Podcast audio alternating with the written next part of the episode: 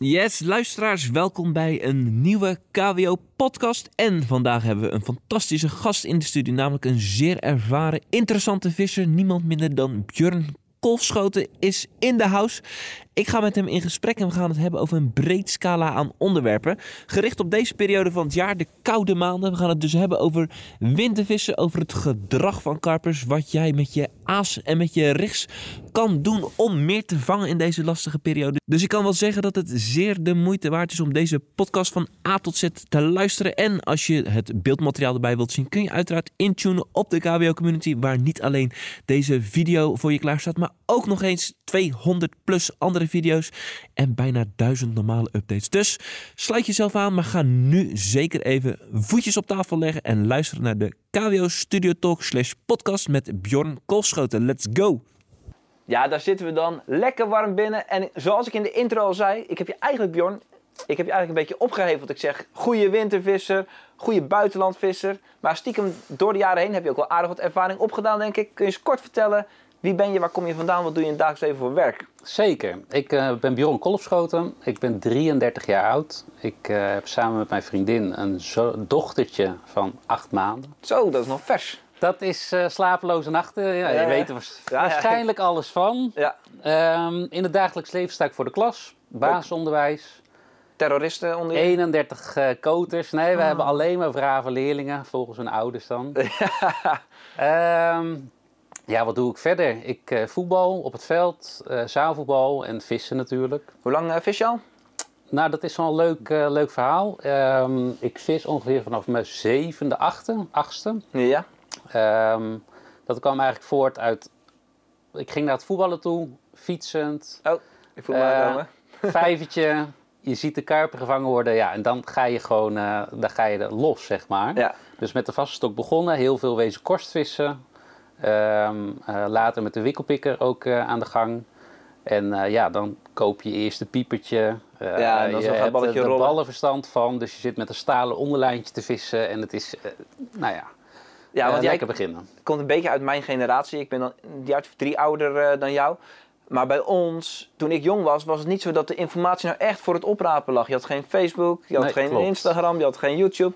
Dus je moest veel meer zelf uitzoeken. En ik vind dat wel een hele mooie leerschool uh, geweest. Al is het ook wel lekker, denk ik, voor de starters nu, dat er zoveel kennis uh, voor, voorhanden is. Ja, en dat gaan wij dus ook uh, proberen.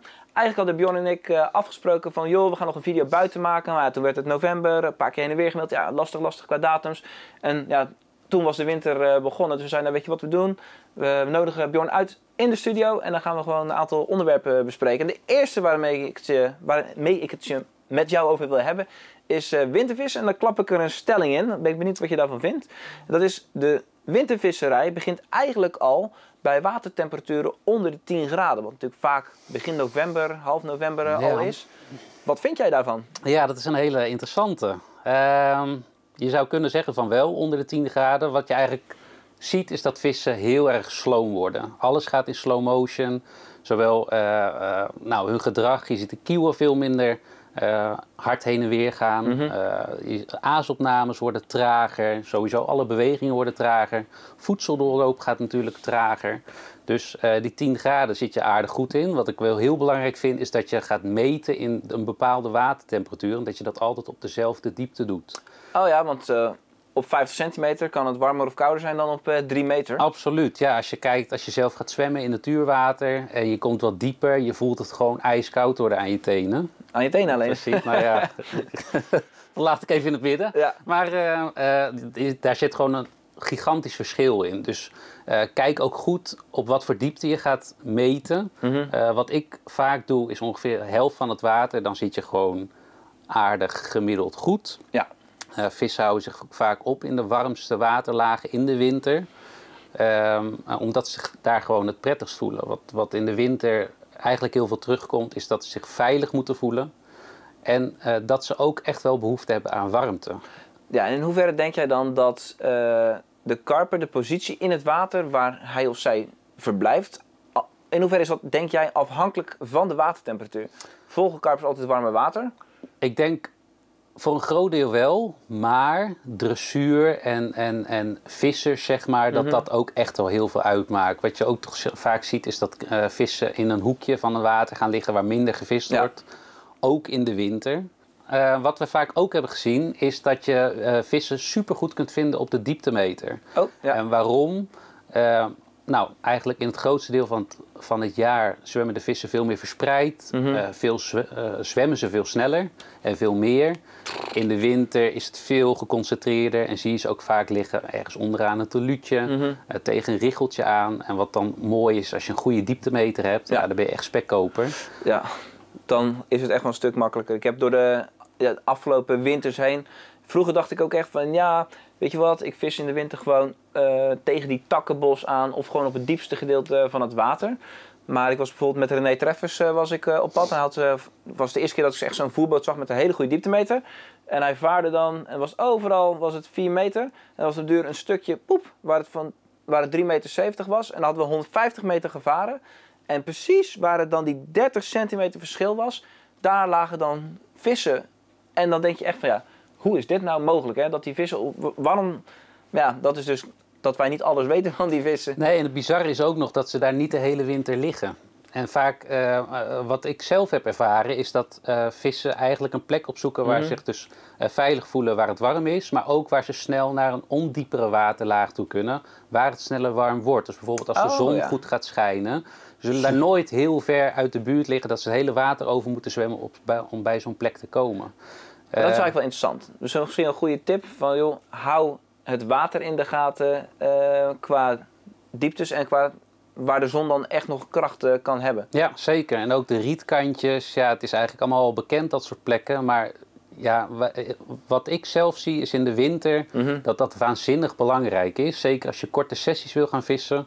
En je hebt die paar zonuren die je mee kunt pikken. Ja. Dan kan het in één keer van, eh, van 0 naar 100 gaan. Maar eigenlijk is hier nog één vraag die hieraan vooraf gaat. Want ik denk dat heel veel mensen die wat minder ervaren zijn, die zeggen misschien ja, ik wil wel gaan vissen in de winter. Maar waar bepaal je nou op welk water je kiest? Ja. Ehm, kun je daar eens wat over vertellen? Je bijvoorbeeld helder, troebel, Zeker, of ja. groot, klein? Ja, ik, bestand. eh, ik zou dan, als ik een advies mag geven, eerst beginnen met kleine water. Mhm. En met zo min mogelijk eh, eh, variatie erin. Dus ook zo min mogelijk vegetatie erin. Eigenlijk zo min mogelijk plekken waar vissen zich schuil kunnen Oh, houden. ja, ja, ja. Want als je dan een plekje hebt, een bosje, een, een rietkantje, eh, noem maar op.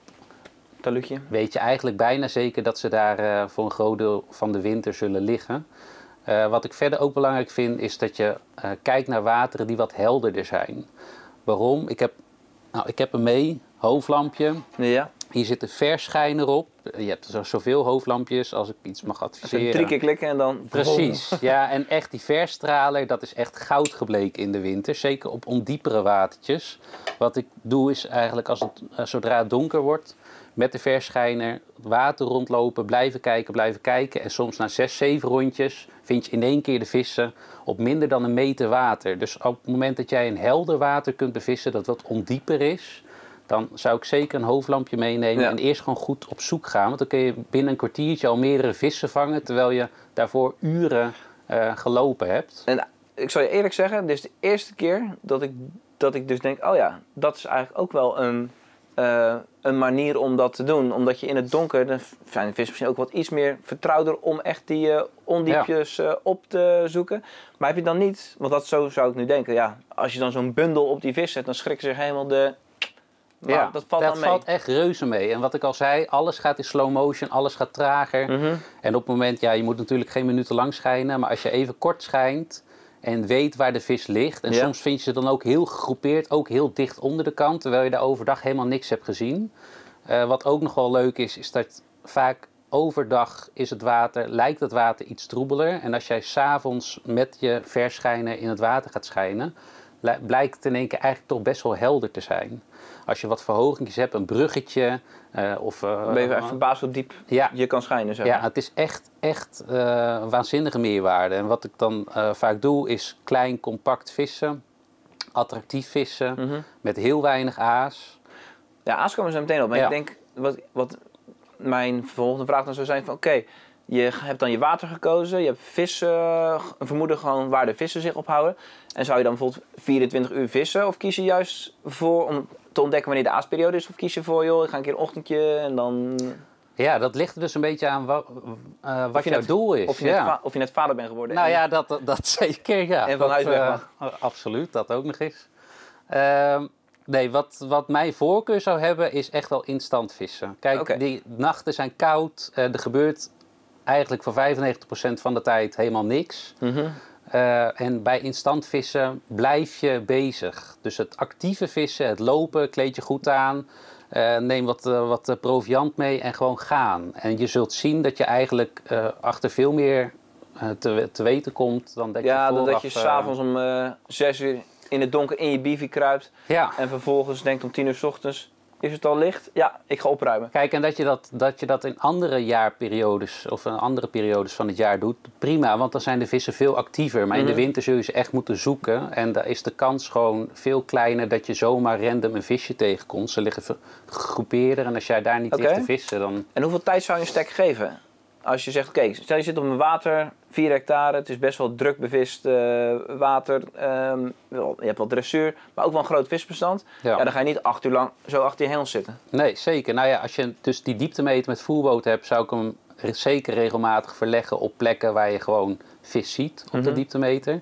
Heb je dat niet, half uurtje max. Ja, zo kort En gewoon doorgaan. Door. Je kunt altijd weer terugkomen op zo'n plek. En wat je ook vaak ziet is als de zon eenmaal gaat schijnen of net wat feller is, dat vissen dan net iets actiever worden. Dus je kunt wel op de vis vissen, Ja. maar als ze niks willen, dan ga je ze niet vangen. Zal ik eens even tussendoor een stelling doen? En dat is meer uit eh, eigen ervaringen. En dat is echt dat als ik in de winter ging vissen en het regende, dat waren echt bij mij de dagen dat ik en natuurlijk helemaal kachelhout aan de waterkant zat. En dat ik ook zo weinig ving dat vaak dan een koude nacht gevolgd door een mooie dag, dat ik nou eigenlijk de beste winterresultaten heb eh, Ja. gehad. Dus anno 2022 ga ik eigenlijk niet meer wintervissen als het echt van dat eh, hondenweer is. Ja, en dat is wel leuk dat je het zegt. Die herken ik heel erg. Maar wat ik ook wel herken is met name later in de winter, als het water al een hele tijd heel koud is Ja. geweest. En de buitentemperatuur is warmer, waardoor de regen ook warmer is, kan Oh, het juist ja. ook alweer erg opleveren. Oké, daar zit ook wel weer wat in. Ik, eh, als, ik, als ik dan één sessie uit mijn eigen ervaringen. Ik was eh, vorig jaar met Willem Quinten, Mike Tille en ook weer René Treffers eh, op pad. En toen hadden we, was het heel lang koud geweest. En toen kwamen we aan, was het nog, eerste etmaal was nog relatief koud. En toen ging het waaien en toen kon je s'nachts in een trui buiten staan. In januari, hè? Dus het was gewoon 8 graden s'nachts en een relatief warme wind. En toen ging het helemaal los. En ook s'nachts ging het echt los. Toen hebben we echt een paar hele mooie vissen eh, gevangen. Dus ja, dat is dan misschien weer zo'n mega weersomslag dat die vissen denken... hé, hey, hier houden we van. Maar goed, gaan we door naar het eh, volgende item. Ja. En dat is ook eh, ja, waarvoor we je dus eigenlijk hebben uitgenodigd. Ehm, en dat is Aas. Je bent eh, consultant bij CBB, Carbetes eh Benelux. Klopt. Ik denk dat heel veel karpenvissers het eh, logo kennen. Het staat ook achter jou op het, op het kassie. Kun je eens kort vertellen hoe ben je erbij gekomen? En het zijn gestoomde boilies in plaats van gekookt. En daar Ja. vind je ook het een en ander van. Ja, zeker. Nou, ik ben er, ik geloof een jaar of drie geleden bijgekomen. Eerst dat CBB in België. Mhm. Toen heeft Willem het naar Nederland gehaald en hij produceert zelf. en, nou, een loods in Midden-Nederland. Ehm, wat ik eigenlijk van gestoomde bolies het voordeel vind ten opzichte van gekookte bolies. Natuurlijk zullen ze allebei vangen. En Ja. ik ga ook niet zeggen dit is beter en dat moet je vooral doen. Maar grote verschil zit er dan toch wel in op het moment dat jij bolies kookt. Nou, je weet ongetwijfeld zelf wat er allemaal uitkomt. De grootste bende, ellende. En je wil daar geen slokje van nemen. En op het moment dat ik eh, de bolies stoom, dan komt er eigenlijk relatief best schoon water wordt daar, eh, komt eruit, zeg maar. Ja, dus er blijft even, eh, veel meer in een bolie zitten op het moment dat je hem stoomt dan dat Ja, ik zal het even kookt. uitleggen voor de mensen die denken, ja, boilies stomen heb ik nou nog nooit eh, van gehoord.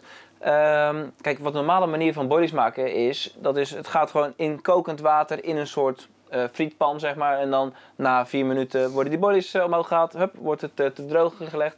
Terwijl gestoomd is eigenlijk alsof het in een soort van ja, koelkast zou je het eigenlijk moeten Ja. zeggen, een stoomkast. Deurtje gaat dicht, eh, de boilies liggen op eh, kratjes eh, vaak of gewoon rekjes. Vervolgens na een paar minuten stomen worden die eruit gehaald, worden ze ook te droog gelegd. Het droogproces duurt veel minder lang, omdat die boilies niet helemaal volgezogen zijn. En ja, dat is natuurlijk toch best wel een andere manier van bereiden. Het is vaak ook een wat duurdere manier van bereiden, want je kan minder kilo's per uur doen. Maar ja, het is op zich wel mooi dat eh, Willem ervoor kiest om het op die manier te doen, om zich te onderscheiden Ja. met het aas. En wat je zegt, het kookwater van boilies, dat is soms zo melkachtig, zeg maar, dat je denkt, ah, de voedingsstoffen zijn er wel een beetje uitgegaan. Ja, er blijft gewoon veel meer behouden. Mhm. dus, en het wordt niet per se zachter of harder. Dat ligt er natuurlijk ook aan hoe lang je iets kookt of hoe lang je iets stoomt. Maar er blijft veel meer in die bolie zitten, waardoor je er eigenlijk ook minder in hoeft te doen. Ja. Maar goed, nu hebben we het over boilies. Maar ik ben eigenlijk benieuwd, het is nu winter. Ja. Ja, je gaat niet met 25 mm vissen. Nee, zeker niet. Ik, ik sta er ook altijd van te kijken als, eh, als je mensen in de winter naar het buitenland ziet gaan, wat ze allemaal meenemen aan aas. En Mhm. dan eigenlijk er toch op uitkomen dat ze met een blikje mais meer vangen dan eh, met de 25 mm knikkers. Eh, ik heb eigenlijk een aantal gradaties, zo zou ik het willen zien. Ja. Je hebt eh, de bolies, dan heb je de pellets, dan heb je paste en liquids. Ja, en dan heb je. Ja, en natuurlijk voedsel. Als ik kijk naar bolies... Als En de particles dan? Ja, telt ook mee, hè? Ja, nou laten we die eh, naast natuurlijk voedsel, zeg maar het blikmais en zo zetten. Ehm, en gebruik ik ook zeker. Ehm, als je kijkt naar bolies, Ja. Wat ik het mooiste eigenlijk vind, is je bolie zo attractief mogelijk maken. Je zit in de winter, het is donders koud, je wil gewoon vis vangen. Mhm. Anders zit je liever eh, thuis met vrouw en kind. Ehm, Goed, dus, hey, eh, punten gescoord thuis. Ehm, dus wat ik eigenlijk, waar ik eigenlijk voor zou kiezen is eh, vooral klein aas mee. 10 Oké. mm bolietjes. En wat, je dan, wat een hele leuke techniek manier is zeg maar, om ze nog attractiever te maken, is de heat treatment. Ja, heel veel mensen eh, hebben er wel eens van gehoord. Maar kun je eens uitleggen wat het is? Want ik denk dat van de 100 mensen, 100 karpenvissers, dat misschien twee of drie het ooit gedaan hebben. De heat treatment is eigenlijk een, eh, een soort van nabehandeling van al eh, nou, bolies die je in de winkel kunt kopen. Wat je eigenlijk weer doet, is je gaat het vocht dat uit een bolie ontrokken is, door het te drogen, ga je er weer inbrengen. Hartstikke mooi, want daar wordt die zachter van. Ja. En daardoor beter verteerbaar over het algemeen, als je een goed verteerbare bolie eh, kiest. Eh, maar wat je daar ook mee kunt doen, is natuurlijk liquids inbrengen. Dus op het moment dat jij eh, eigenlijk de liquid verwarmt, en dat kan gewoon water zijn uit het, uit het water waar je vist, dat kan kraanwater zijn, voeg daar wat liquids aan toe. Kokend water. Ja, kokend water. Ik heb hier, nou wij hebben van die beetbooster flesjes. Ja. Dat voeg ik eraan toe. Er zit heel veel attractiviteit in.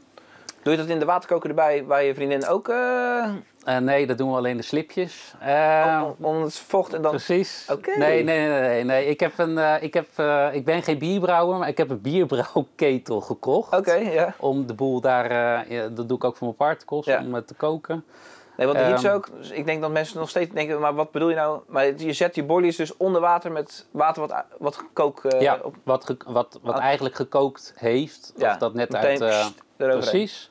Eh, wat je daarna kunt doen, is het eh, een tijd laten saan. Maar eigenlijk nog mooier vind ik, dat is, eh, na 10 minuten giet ik het af. Ja? gaat het meteen de vriezer in. Dan zijn ze eigenlijk nog heel Oh. warm. Op het moment dat je warm water in de vriezer doet, bevriest het sneller. Oh, oké. Dat is misschien een leuke tip voor ijsklontjes ook. Als je ijsklontjes wil maken, doe dat met warm water, bevriest het nog sneller. Echt waar? Op het moment dat, je, dat dat gebeurt, je hebt ze in de vriezer, eigenlijk gaat een bolie iets meer openstaan, dan kan het beter vocht opnemen. Dus zodra het eruit komt, je laat het 24 uur in de vriezer zitten, het komt eruit, dan ga je dus met de liquids aan de gang en eh, zuigt dat zich nog meer op. En dan krijg je eigenlijk een bolie, als je hem door midden snijdt, dat die veel beter... Volgezogen eh, is. Ja, precies. En anders zie je alleen de buitenkant, omdat dat vaak het hardste deel is van de Ja. bolie. Dus dat is in het kort eigenlijk de heat treatment. En je kunt het zo gek en mooi maken als je wil met verschillende liquids. Eh, je kunt je heat treatment op verschillende manieren pimpen. Mhm. Eh, wat je er ook bij kunt doen is bijvoorbeeld whisky likeur. Ja. Er zit een nou, mooie milky geur en smaak natuurlijk aan. Oh ja. Ook de alcohol die erin zit, dat doet het dan voornamelijk. Ehm, dat zijn natuurlijk supermooie eh voorbeelden eigenlijk. Ja, dat, dat, dat triggert gewoon vis. Als je kijkt hoeveel flavors er Maar gemaakt vervliegt zijn. dat niet? Ja, veel sneller. Maar juist dat, maar daar komen we later nog op. Een soort van die waarneembaarheid. ja, en je wil vissen niet voeden in de winter. Je wil ze vangen. Ja. En Ja, wat, wat er vaak gebeurt is dat we lekker gaan voeren, want dat trekt de vis aan. De vis komt niet speciaal naar jouw plek toe. Ja. De vis is op een plek waar hij zich prettig voelt. En daar moet je ze eh, gaan belagen eigenlijk. Oké, nou hebben we al wat mooie stapjes eh, gemaakt. We hebben het natuurlijk gehad over eh, waterkeuze, we hebben het gehad over stekkeuze, de, de verschillen onder water. En dan nu een aantal dingen over aas. Uh, jullie hebben van CBW een aantal verschillende pellets. Eh, ben je dan zelf voor de, eerder voor de maispellets of echt voor de vismeelpellets in de winterperiode? Ja, het is, eh, eh, je hebt echt de zware vismeelpellets, maar je hebt ook lichtere vismeelpellets. En daar zou ik zeker voor gaan. Dan met name eigenlijk de meest kleine die je hebt. Wij hebben 3 mm pellets in het assortiment en je merkt gewoon, je kunt daar zoveel mee. Ook weer hetzelfde als dat we zeiden met de bolies, met de heat treatment, kun je dat natuurlijk ook met pellets doen. En het mooie van pellets is op het moment dat het zachter wordt, je hebt alle attractiviteit erin. Ja. Uh, en daar kun je weer ook dingen aan toevoegen. Uh, je, je, creëert eigenlijk een soort van je eigen paste, om het zo maar te zeggen. Ah, dus je, ja, je deeg uh, met alles erin, niks vervliegt. Omdat alles op het moment dat jij iets vochtig maakt... Blijft het bij elkaar natuurlijk. Precies, Ja. en, en, en niks, niks verdwijnt. wat je daar ook weer aan toe kunt voegen is bijvoorbeeld natuurlijk aas, maden. Ja, je hebt het, je hebt het bij. Want zou jij, als je nu in de winter gaat vissen, zou je nog van huis gaan zonder maden? Als je drie, vier dagen weggaat, dan heb je nee, altijd wat wel leuk is, ik heb eigenlijk het hele jaar door altijd een bakje wormen in mijn auto staan. Nou, ik heb net gezegd, ik heb veel minder tijd om te vissen, maar instant vissen, een paar uurtjes hier en daar, uh, dat zit er nog zeker in. Zeker in. Uh, maden die gaan best wel snel overstuur. Ja, dat vind ik niet zo leuk. Als die in de auto staat in de zon, dan... Nee, uh... ik heb dus ook wel eens uit mijn auto moeten vissen, zeg maar. Ja. Uh, maar wormen, die blijven veel langer goed. En, en, en je ziet gewoon, zeker op de kleine stadswatertjes waar ik dan vis... Ja, daar wordt eigenlijk niet gevist nee, met natuurlijk Niemand durft dat. Nee. We hebben toevallig uh, een paar weken geleden hebben we een uh, tutorial ge ge tenminste gemaakt, live gezet op uh, de KWO Community. Met precies daarin hoe je een richt kan knopen, hoe je met wormen kan vissen. En als je dat dan ziet, dan denk je, ja, zo heel veel stelt het ook niet voor. Je moet gewoon alleen net even weten hoe het moet. Oké, okay, dus we hebben het gehad over uh, body spells, gerondvoerd degen, liquids. Ja, en dan is eigenlijk uh, de vraag van, ja, wat is het verschil in je aanpak wanneer je enkel wilt prikkelen of juist wilt voeden? Want hoe kouder het water wordt, hoe minder je wil voeden natuurlijk. Ja, zeker. Um, de eerste tip die ik eigenlijk wil geven is: neem niet te veel voer mee. Ik rij liever nog een keer op en neer. In het buitenlandsessie is dat natuurlijk Mhm. mm -hmm. anders. Op het moment dat jij meer voer mee hebt, je neemt een kilootje bolies mee, een kilootje pellets, dan ga je al snel te veel voeren. Ja. Begin nou eerst gewoon eens met iets minder en verleg regelmatig je onderlijntjes, je montages. Ik denk dat je dan veel verder uh, komt dan dat je uh, prompt overal uh, gaat voeren. Gaat storten. Ja, ja dat, het gebeurt zo vaak. Ja. En, en, wat we ook zien is, op het moment dat een vis al goed vol zit, dan wordt die veel minder goed vangbaar. Zeker vanuit het najaar naar de winter toe. Uh, zelf een mooi voorbeeld in België. Uh, dat, wij kwamen eraan. We hoorden dat er een goed visbestand moest zitten. We waren met z'n drieën. Mhm. Mm -hmm. Eén daarvan begint al lekker te voeren, een voerstekje te maken. Want, Want die denkt, ik word toch gesponsord. Precies, want het is najaar. En, uh, en ik en een andere maat die visten wat, uh, nou, wat voorzichtiger, zeg maar. Mhm. En het heeft een hele week bij die maat die voerde geduurd voordat hij een aanbeet uh, kreeg. Zo. Terwijl wij veel vaker de hengels verlegden en eigenlijk zo achter de plekjes kwamen. En wat we uh, pas na enkele dagen uh, te zien kregen, waren visfoto's van de locals, zeg maar.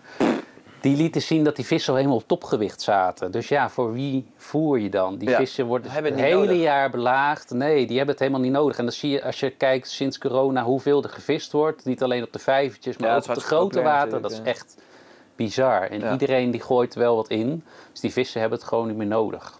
Ja, in de KBO-studio kregen de gasten altijd wel wat huiswerk mee. En dit keer had ik aan eh, Bjorn gevraagd van... joh, eh, je hebt een onderwatercamera, je loopt wel af en toe wat eh, clipjes te streamen. Zou je eens eventjes wat materiaal mee kunnen nemen? Nou, je hebt drie verschillende clipjes gemaakt. Niet al te lang, maar wel met ja, interessante beelden.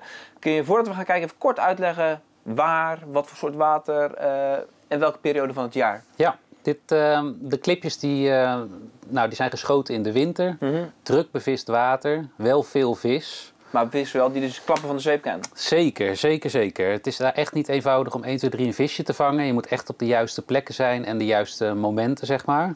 Uh, wat je zometeen gaat zien is uh, dat wij eigenlijk met, uh, met de wintermixjes, dus heel klein, compact, goed verteerbaar voer, Ja. vissen proberen te prikkelen. Ik zal de eerste alvast aanzetten. Kunnen eens kijken wat er gebeurt. Ja, je wat ziet hier het richtje naar beneden gaan. En er dwarrelt gewoon wat voer bij. Is dit vanuit de hand of vanuit de voerboot? eh? Ja, dit is wel een leuke. We hebben dat eh, specifiek met zo'n bushwhacker gedaan. Ah, Eh, wat je merkt, ja, is op het moment dat je heel veel klein voer hebt, dat het niet zo lekker kneedt of niet zo lekker compact komt. En we willen juist ervoor zorgen dat, eh, dat het voer heel compact terechtkomt. Ja. Dat je eigenlijk op zo'n klein mogelijke plek die vis wil eh, laten azen. In de winter, het gaat allemaal trager, het duurt allemaal langer. En wat ik, eh, wat ik eerder al heb aangegeven is dat ik eigenlijk heel kort op stekjes vis. Dus wat we hebben gedaan is eh, het voer in een bushwhacker gedaan. eh, ja, zo'n drijvende schep is dat, hè? Plop. Klopt, vooraf goed gekneed, eh, zo'n balmaker gebruikt. En wat je dan ziet, eh, we hebben het eigenlijk dusdanig substantie zeg maar, gemaakt... dat op het moment dat het het water raakt... dat, het eerste zakt. moment nog compact blijft en daarna uit elkaar zakt. En dat zie je eigenlijk hier gebeuren. Ja, en ik denk dat heel veel mensen niet beseffen dat als jij bijvoorbeeld zegt: Ik heb een of ander eh, voertje en ik gooi dat zo woed, in het water en het is één hand, dan lijkt het veel in je hand. Maar als je het zo een zwieper geeft, dan is het op drie meter water, ja, dan ligt het op eh, zes eh, bij, eh, bij, Zeker. bij twee. Nou, wat ik wel interessant vind, is dat sommige mensen ook... ehm, ehm, nou, die gebruiken bijvoorbeeld gemalen tijgernoten, eh, het, echt het meel, het Mhm. lekker wolkende of melkpoeders. Dat gooien ze een voerboot mee vol en die varen naar een stek toe en die gaan dan op eh, een meter of vier gaan ze droppen. Ja, Maar waar krijg je dan alle attractie? Die krijg je eigenlijk in de bovenste waterlagen. ja terwijl, het wolkt. ja, terwijl je vist op de onderste, eh, in de onderste Ja, waterlaag. dus, dus ik zie daar niet heel erg vo- voordelen van in. Wat, dus, wat je zou kunnen doen, is dus veel meer ballen kneden. En dat is gewoon testen, proberen. Ja. En op het moment dat het eigenlijk eh, wat dieper terecht komt, dat het dan pas uit elkaar valt. En vis je ook veel met eh, PVA-zakjes of met PVA-funnels? Of Zo min mogelijk. Ja? En dat is, ik heb daar een beetje slechte ervaringen mee, maar niet alleen in de ben je winter. gewoon lui? Heb je geen zin? Nee, nee, nee. Ju- ik probeer echt allemaal piekfijn in orde te hebben. Maar het is eh, PVA. Er zit zoveel verschil in oploopstijd. En Ah, wat ik, wat wel ik ja. zie, die, je hebt van die PVA-wokkels, van die grote zakken koop je dan. Of grote zakken, een litertje of zo is het. Eh, met gekleurde PVA-wokkels. Nu heb ik een, ik heb een bootje op een heel groot water in het midden van Nederland. Ehm, en wat ik daar heb gedaan, is vlak voor de boot gewoon mijn richt laten zakken. En gewoon gekeken, wat gebeurt er nou Hoe lang eigenlijk? dat schuimpje? was warm water, ergens in augustus, september, dus niks aan de hand, niks geks. Duurde 20 minuten voordat het opgelost was. Ja. Twee wokkels tegen elkaar, waar mijn, waar mijn haak tussen zat. 20 minuten. Nou moet je nagaan als je dat in de winter doet en je Ja. test dat nooit. Dus wat ik wil meegeven, als je PVA test, zeker in de winter, leg nou precies dezelfde soort presentatie de even in de kant. Ja, dat is wel een goeie inderdaad. Want als je... Je wil natuurlijk niet hebben dat jij je richtje helemaal met een bodynaald eh, door je PVA-zakje Nee. haalt of door je funnel eh, dingetje. En ik denk ook dat heel veel mensen hebben natuurlijk zo'n funnelmaker, dat je met zo'n stampertje Ja. dat aanstampt. Nou, ik denk als je dat doet, er ligt zo'n worstje op de bodem. Dat is leuk. Maar je wil juist ook dat het, zoals je wat je hier op de beelden ziet, dat het zo wolkend eh, effect Nou heeft. ja, wat, je, wat je nog wel kunt doen is, je hebt eh, tegenwoordig ook veel meer PVA dat eh, voor de winter geschikt is. Dus dat is wat dunner is, wat sneller oplost. En op het moment dat jij iets heel hard eh, aanprest, zeg Mhm. maar, maar er zit nog wel wat lucht tussen, dan kan die echt Ah, dan open klap je klappen. op. Ja, ja, ja. En dan krijg je het iets meer verspreid. Dan gaan we naar het tweede clipje. Dat is dus eh zelfde camerastandpunt, zelfde situatie. Alleen dan zijn de vissen gearriveerd. Zekers. En dan zie je hem gaan hoor. Henkie, rechts in wild. Henkie zwemt daar rechts in beeld. En daarachterin zie je ook nog een vis zwemmen. Wat je al ziet is dat vissen veel trager bewegen. Ja. En hij is al best wel een Oh, beetje oh. geprikkeld door het voer. Daar ligt daar een heel klein richtje. Ja, en die gaat hij oppakken. En, En hij zwemt een stukje. Weg is die. Ja, wat ik... eh, eh, eh, iets waar- waarvan ik heel veel mensen een fout zie maken in de winter. Dat is dat ze bijvoorbeeld met shotsrichts vissen. En daar is niks mee mis. Maar als je bijvoorbeeld in de winkel kant-en-klare shots hebt. Dan zijn dat vaak van zulke jetsers van eh richtjes. En dat betekent dus ook, als je dan een leader hebt en die shot doet nog eens een centimetertje je leader omhoog trekken, dat dan je aasje soms wel 7, 8 centimeter boven de bodem hangt. Terwijl hoe kleiner de vis, eh, hoe meer die vaak met zijn neus in de bodem zit. En als we deze opnieuw eh, afspelen, dan, dan zie je het ook. die vis is nu niets aan het oppakken.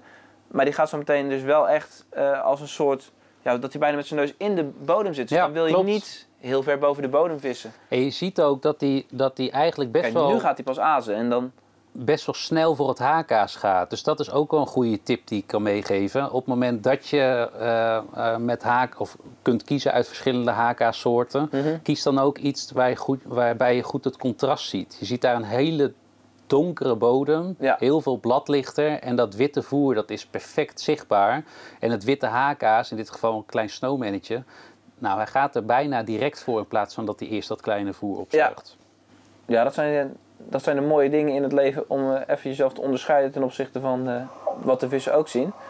Dan hebben we hier een eh frenzy, echt een... Ja, dit is tof. Dit, daar word je nou echt enthousiast van, helemaal als je achter de camera zit. Ja, ja dit, Je je dit kon je live meekijken. Ja, je ziet ook de vissen elkaar een beetje wegduwen. Dus je, je, er komt gewoon voedselnijd. Ja. En ook al is het nog zo klein, ook al is het nog zo koud, je kunt gewoon vissen prikkelen. Ja. ja, een van de dingen die ik daar wel op wil zeggen. Als je dus weet dat je op de vis zit, dat de vis dus in de buurt liggen. En dat kan je bijvoorbeeld zien als je een eh, voerboot hebt waar je dus een goede dieptemeter op hebt. Maar soms voel je het ook gewoon als visser. Van joh, oké, zit zo vis, je ziet een paar keer wat draaien, je ziet misschien een vis, dan zie je zwemmen. Ehm, wat heel veel vissers doen als ze in de winter gaan vissen, is dat ze beginnen, ze varen hun eh rig uit. of ze gooien uit, voeren een paar boilies met de pijp bij en vervolgens gaan ze vier uur op een stoel Ja. zitten. Terwijl, waar ik echt van overtuigd ben, is dat, en dat zie je ook perfect op dit voorbeeld. Clipje 2 zie je één vis en die aast heel voorzichtig. Clipje 3 zijn er gewoon drie, vier vissen die elkaar opjutten. En het regelmatig bijvoeren van kleine hoeveelheden aas is denk ik een van de sterkere manieren. En ook al kost het dan wat meer werk omdat je een paar keer met je voerboot vaart zonder dat daar een rig in ligt. Ik denk echt dat dat iets is om het verschil te maken met attractief aas wat heel weinig eh, voeding geeft. Ja. Maar wel ja, zorgt dat ze elkaar een beetje opfokken. Want je ziet ook hier hoe heerlijk die vis dan uiteindelijk dat toch gehaakt wordt. Nou, ik zou het je nog sterker vertellen. Eh, we hebben nog veel meer clipjes. Mhm. En dit voer, dat is echt binnen een paar minuten weg. En als je, wat je net zegt, als je een aantal uur zit te vissen en je legt het één keer in. Het is zo zonde van je tijd. Want eh, het leuke is, bij het vorige clipje Ja. werd de vis niet gehaakt. Eh, we vissen toen met een, eh, met een relatief kort Ja, je onderlijntje. hebt hem hier Ja. meegenomen. dit, is niet het, dit is het uiteindelijke onderlijntje dat het geworden zeg maar, is. Ja. om de vis wel te haken. Maar wat we eerst hadden, was dat we visten met een hertje. Dus de, de, Meer bewegingsvrijheid zou je denken. Dat zal wel beter zijn. ja, dat kan lekker inhaken. Je ziet de vissen ook nog bewegen. Maar eigenlijk omdat het zo traag gaat, je ziet die vis ook heel traag zijn kop op, eh, opheven, heffen, zeg maar.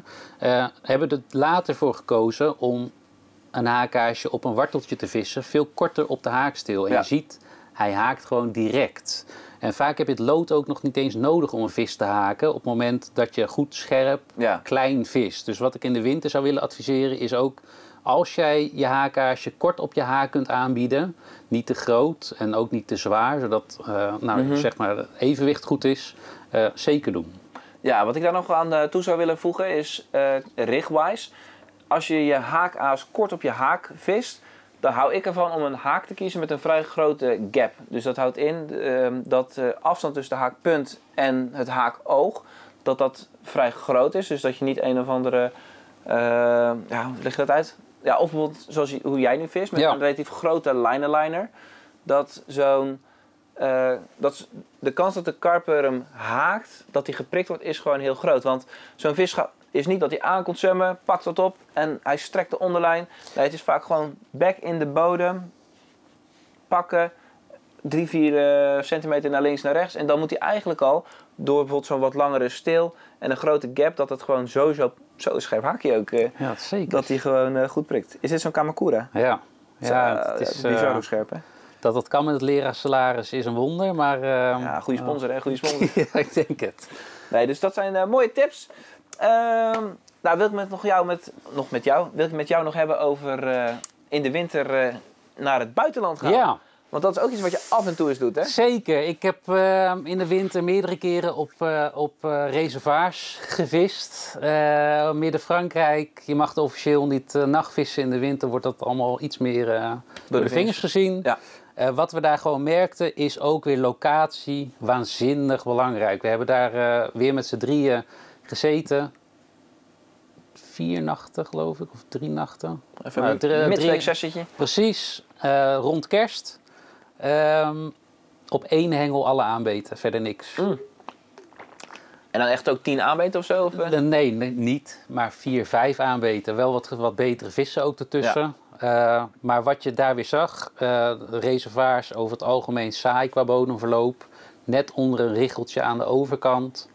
Dat was de plek. En we hebben er nog hengels naast gelegd, zeg maar 10, 15 meter daarnaast. Echt? En, Niks. Echt joh? Niks. Bizar hè, dat dan een paar vierkante meter... eh, Ja, en we op de dieptemeter konden we niks zien. Dus dat die vissen, we kregen alle aanbeten midden in de nacht. Terwijl Mhm. je zou zeggen, joh, in de winter, zonnetje erop, niet al te diep. Daar gaat het gebeuren. Toch niet. S'nachts liepen ze af. Ja. Ja. ja, maar dat zijn ook weer de leuke dingen. Hè. Je hebt vooraf heb je natuurlijk een gedachtegang van... Zo, ik vermoed dat het nu eh, zo en zo zal zijn. En ja. Nou ja, ik dacht dat ik spekkoper was, want ik zat op het ondiepste deel van het water. Ja, Eh, maar helaas. ja, helaas. Ja, anders. gelukkig viste vis om vis. Dus Ja. eh, nou ja, ik ging zelf ook nog met een mooie vis naar huis. Dat scheelt. Kijk, en als je dan... eh want heb je wel eens in de winter op betaalwater gevist eh, in het buitenland? Nee, dat, eh, dat niet. Maar wat ik zie in, in jullie films, zeg maar, Mhm. is dat ook weer de locatie gewoon waanzinnig belangrijk is. Ja, dus wel zo, toen ik die video maakte met eh, Willem Quinter, René Tervers en eh, Mike Tiller, dat was waren wel water waar zoveel vis zat, Ja, klopt, dat het ja. ook wel echt heel Ja. makkelijk was. En achteraf dacht ik van ja, dat was misschien ook niet echt een representatief water voor wintervisserij, omdat het eigenlijk bewijzen van, er zat zoveel vis dat het dat je altijd wel een keer met een van je hengels in de buurt van de vis eh, lag te Ja. vissen. Dus niet super uitdagend, maar wel natuurlijk gewoon heerlijk om in de winter een paar vissen te vangen. En ja, weet je, iedereen heeft ook zo zijn eigen visserij. En eh, vroeger was het veel meer dat je twee kampen had, hè, betaalwater, openbaar vissen. En hoe ik er nu in sta is van, joh, mensen moeten gewoon lekker gaan vissen waar ze plezier in hebben. Ja, En hoe ze hun visserij met een glimlach beleven. Ik denk dat dat het allerbelangrijkste is. Maar ja, als je in de winter wil vissen, zijn er een aantal dingen om eh, rekening mee te houden. Je had een mooi lijstje eigenlijk met tips eh, had je gestuurd. Van joh, wat zijn dingen die jij meeneemt of die je juist thuis laat in deze periode van het jaar? Ja wat, wat ik zeker mee zou nemen, Buitenom je zaklamp om de vissen te zoeken. absoluut, is nog een, eh, nog een apparaatje. En dat is deze jongen. Kijk eens even aan. Gewoon het benzinebrandertje. Weg met dat gas. Ik word er helemaal para van. Ja, precies. Eh, gas altijd koud, loopt niet goed. En met die benzinebrander, ik heb nooit geen gezeur. Ook al waait het nog zo hard. Ja, is gewoon aansteken. Hij gaat gewoon altijd aan. En ja, eh, qua aanschaf zit hij al gauw richting de 100 euro. Maar als je kijkt, de meeste gaspitjes van tegenwoordig, die, daar betaal je ook al gauw 5, 6 tientjes voor. Ja, als je een beetje een designer dingetje wil van een... De, Van een bekend merk, dan, eh, ja, dan hoor je er ook helemaal bij. Maar eh, het doet het voor geen meter. Ja, en dan Nou, kan je er weer eerlijk- een hoesje omheen doen en Ja, een dingetje. Zal ik even eerlijk zeggen wat ik... Wat mijn ervaring is met die benzine dingen is dus van... Oké, dan moet je pompen. Ja. Vervolgens komt er een vlam uit, die is eh, geel. En dan is heel je onderkant van je ketel is zwart. Ik vind het nogal een gedoe. Het is 15 keer pompen. Je steekt hem aan. Even Eh, je laat hem even hard lopen. Dat doe je voor 10 seconden. En daarna zet je hem zachter en krijg je een hele egale vlam. Oh, Dus het is ook een beetje... Verkeerd gedaan waarschijnlijk. Nou ja, ik denk het. Maar Ja, ik maak eigenlijk nooit fouten natuurlijk. hè. Snap ik, snap ik. Oké, nou om het goed vol te houden is kleding natuurlijk eh, belangrijk. eh, dat je dat ook gewoon goed fixt. Ja, goed warm. En ook zeker als je tenen eenmaal koud zijn, nou, Zo. dan ben je gewoon de sjaak. Ja. Dus eh, eh, wissel ook regelmatig van sokken. Eh, laat je laarzen een beetje luchten. Die laarzen van tegenwoordig kan allemaal de voering uit. Ja. Doe dat ook overdag. Vaak zit ik overdag gewoon met mijn slippertjes. Dus op sommige wateren niet heel handig, heb ik ervaren. Maar gewoon de boel lekker laten luchten. En kleed je ook niet te warm aan als je je bed ingaat. Ja. Want je hebt er geen fluit aan op het moment dat jij warm uit je bed Oh, ja. met dik aangekleed en je staat buiten. Dan krijg je het alsnog ijskoud. Of je gaat zweten als een otter. Dan, je, je krijgt het er gewoon hartstikke Ja, koud van. ik heb liever dat ik mijn, eh, mijn jas leg ik vaak naast mijn stretcher neer. Dus dan is het run, oké. Eerst naar buiten toe, jas eigenlijk soort van op je rug. Kijken of het te doen is. Eerst aanslaan natuurlijk. En dan, ja. yo maat, hou me hengel even vast. Dan trek ik mijn jas eh, even aan. Dus dat zijn eh, goede tips. Nou goed, ehm, weet je wat ik nog zat te denken? Zo'n gesprek als dit is natuurlijk leuk. Ehm, het is eigenlijk nog leuker om dingen in de praktijk eh, te gaan bekijken. Bij CBB hebben jullie een eigen cameraman die vaak meegaat met jullie eh, vissers. Klopt. Dus ik wilde eigenlijk iets leuks doen. Dat is namelijk dat ik een opdracht eh, geef. Alleen ik niet zelf, maar de kijkers. Dus deze video wordt natuurlijk gedropt onder andere op YouTube. Dus dames en heren, hebben jullie een mooie ja, uitdaging, quest voor Bjorn die hij de komende winter moet gaan vervullen? Laat het zeker weten in de comments eh, onder de video. Dus moet hij op twee wateren binnen 24 uur een vis vangen of met vier verschillende aassoorten een vis eh, vangen? Verzin wat leuks en we kunnen wel misschien een prijs eraan hangen. De, Ja, zeker. Ja. Degene die wordt uitgekozen, die, eh, wat zullen ze doen? Twee emmers boilies en wat, een boilie, een liquidje. We gaan een heel mooi winterpakketje ervan maken. nou, ja. gaan we dat doen. Dank ik jou, Bjorn, voor je komst naar de studio. Heb je nog, wel, nog één in de camera, een wijze quote om het eh, af te sluiten? Wat wil je nog meegeven? Ja, ga gewoon lekker plezier hebben. En kijk waar jij voldoening uit haalt. Vaak als je in de winter gaat vissen, eh, je ziet filmpjes, je wordt een beetje gek gemaakt door media. Eh, let daar niet te veel op. Kijk waar jij eigenlijk voldoening uit haalt en stel jezelf een doel. Mijn doel is niet om de grootste vissen van het water te vangen in de winter. Mijn doel is gewoon om lekker te vissen, actief te zijn en op die manier plezier te beleven. Dus eh, sta je niet te blind, ga gewoon lekker doen vooral. Nou, dat vind ik eh, een mooie afsluiter. Heb ik nog één kleine toevoeging.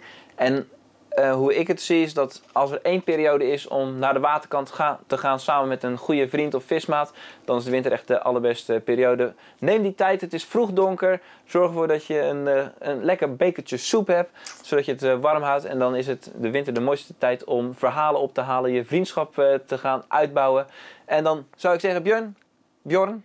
Ik Bjorn, heb- de eerste, yes. keer, eerste keer dat ik fout zeg, hè? Ja, nee, je doet het heel netjes tot nu Ja, toe. Bjorn, ik reed net op mijn kloot. Ja, ik heet Bjorn, zonder puntjes. En anders trap ik hier heel de studio door. En Dus dat voor is- iemand uit Zeeland, dat is toch best wel een kunst. Nee, jongens, bedankt voor het kijken en eh, tot de volgende video. Ciao.